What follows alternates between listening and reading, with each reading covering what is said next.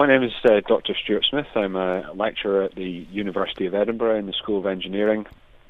I'm in the Research Institute for Bioengineering.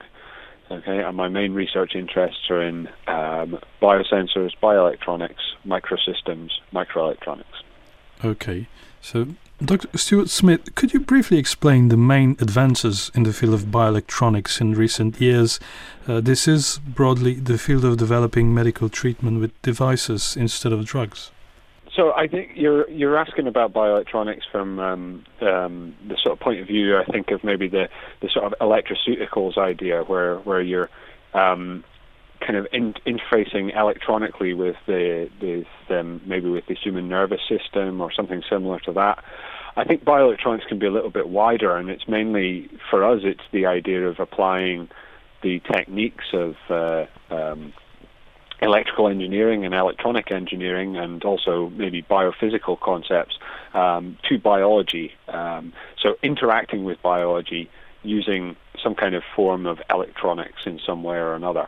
Um, I think uh, what's been going on recently has been, you know, an, an, expansion of, of trying to interface with the nervous system. I think that's that's where some of the really kind of exciting stuff um, has been going on, um, ranging from things like with um, um deep brain stimulation, which is used for um, people who have Parkinson's disease, for example, which can stop the tremors by having uh, uh, electrodes directly implanted into the brain and um, applying signals that will stop them, uh, stop the, the, the, incorrect signals that are being uh, expressed in their brain.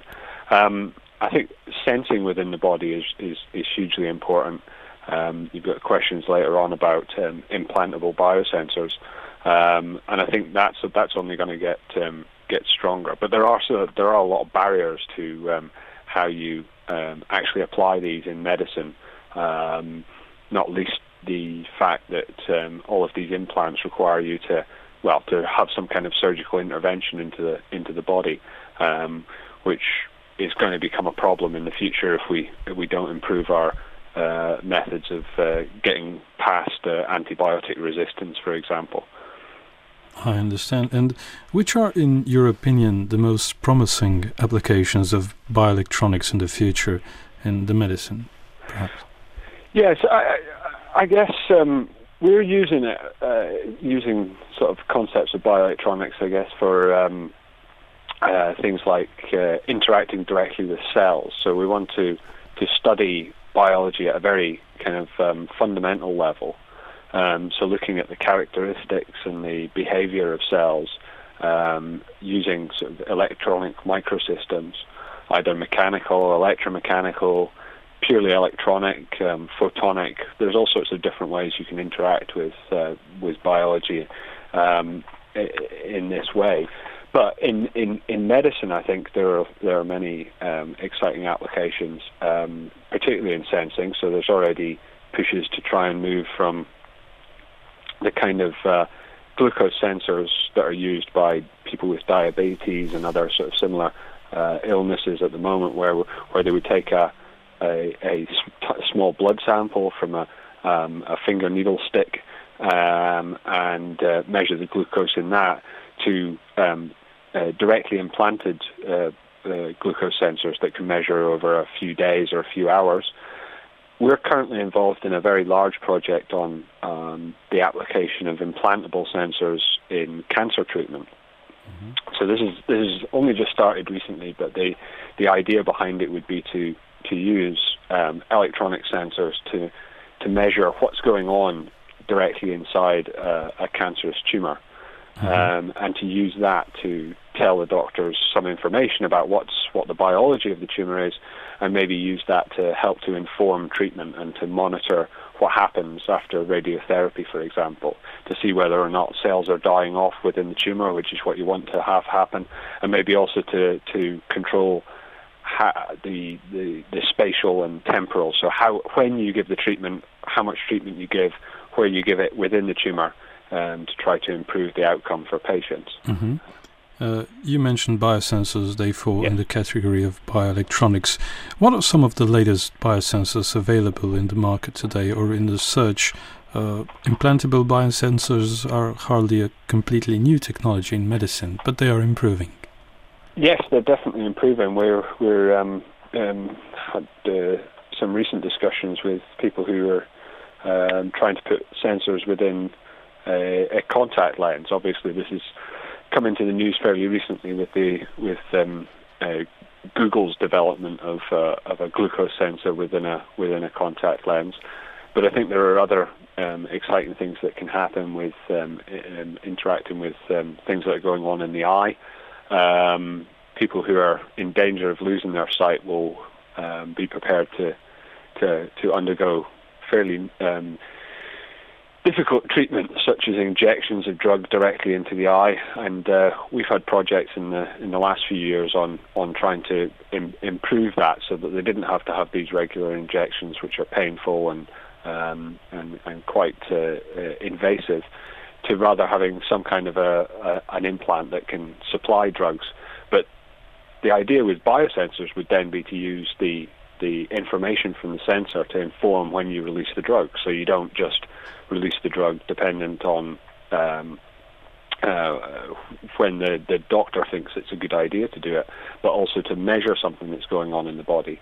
Um, obviously, the, the the the kind of common example at the moment with a, glucose biosensor would be to monitor the, the level of glucose in the blood mm-hmm. constantly, and then use that to determine when you give insulin to the to the patient. But I think we can go a little bit further than that in the in, in the future. So implantable biosensors aren't st- strictly new, but there are a lot of challenges to, to make them work. If you're talking about really about biosensors like a glucose sensor or something that uses a biological recognition element, um, the stability of these things is really difficult to to um, to keep going. I mean, nobody with the implantable glucose sensors has managed to make them last more than a few days um, and have reliable measurements within the body. I think the most they're up to is maybe about uh, a month, possibly, and that would be pushing it. There are some people claiming that they can implant them for over a year and have them work over that time, but um, mm-hmm. I think that is still at a very early stage of development. Obviously, the same thing is going to apply to any other kind of biosensor that's that's, that's mm-hmm. using these sort of techniques. Um, but the future ideas for maybe controlling things like chronic infection in a, in a wound um, is is really interesting to be able to to figure out for the purposes of um, uh, treating um, infection um, to be able to find out the, the exact uh, strain of a particular bacteria um, so that you can make sure that you're not using a, a, a antibiotic that it's already resistant to mm-hmm. Um, is is really important as well. I see. So there is room for improvement, and mm-hmm. some see uh, bioelectronics as an opportunity to fine-tune our body. Are bioelectronics also a way to enhance the performance of human body? Uh, are we going to see a new era of electrically enhanced humans? And this is probably also more in the field of electroceuticals. Mm-hmm. Yeah. Um, so I, I, I, guess the idea with electroceuticals, this this um, I think the, the phrase was possibly coined by um, uh, the company GSK when they were trying to to um, fund the research in this area.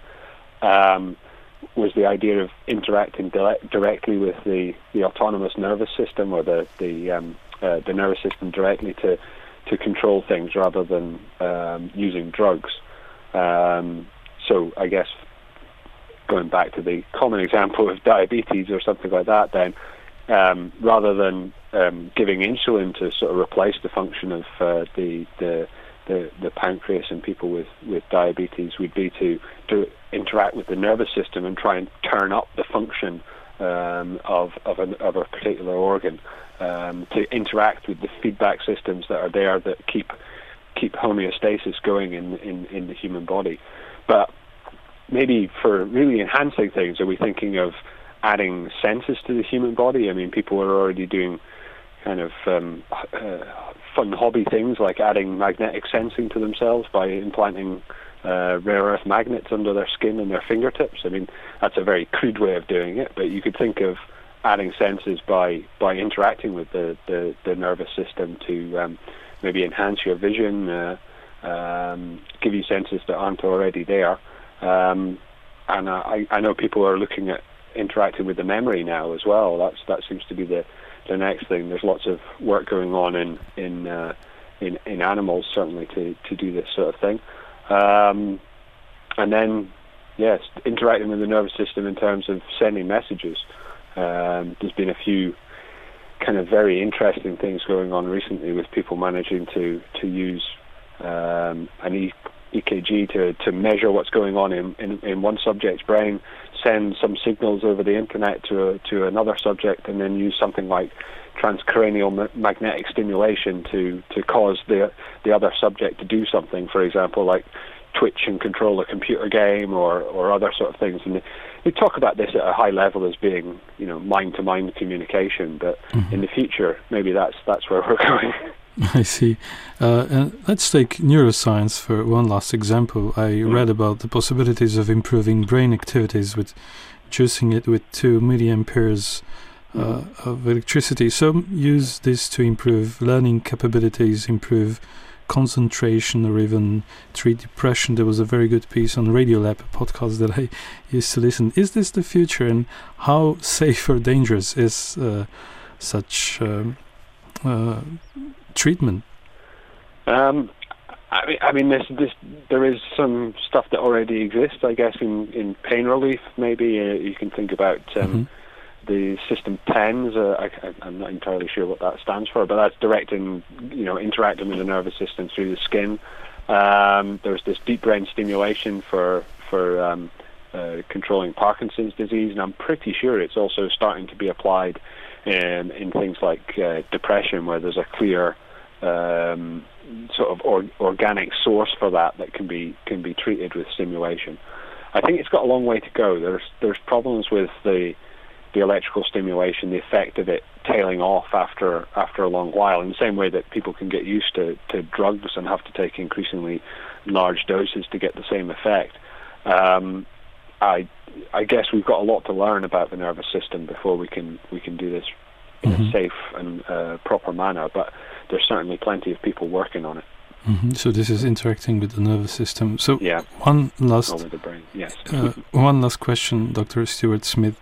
Uh, would the latest example also fall under the field of uh, electroceuticals because we started or opened the topic?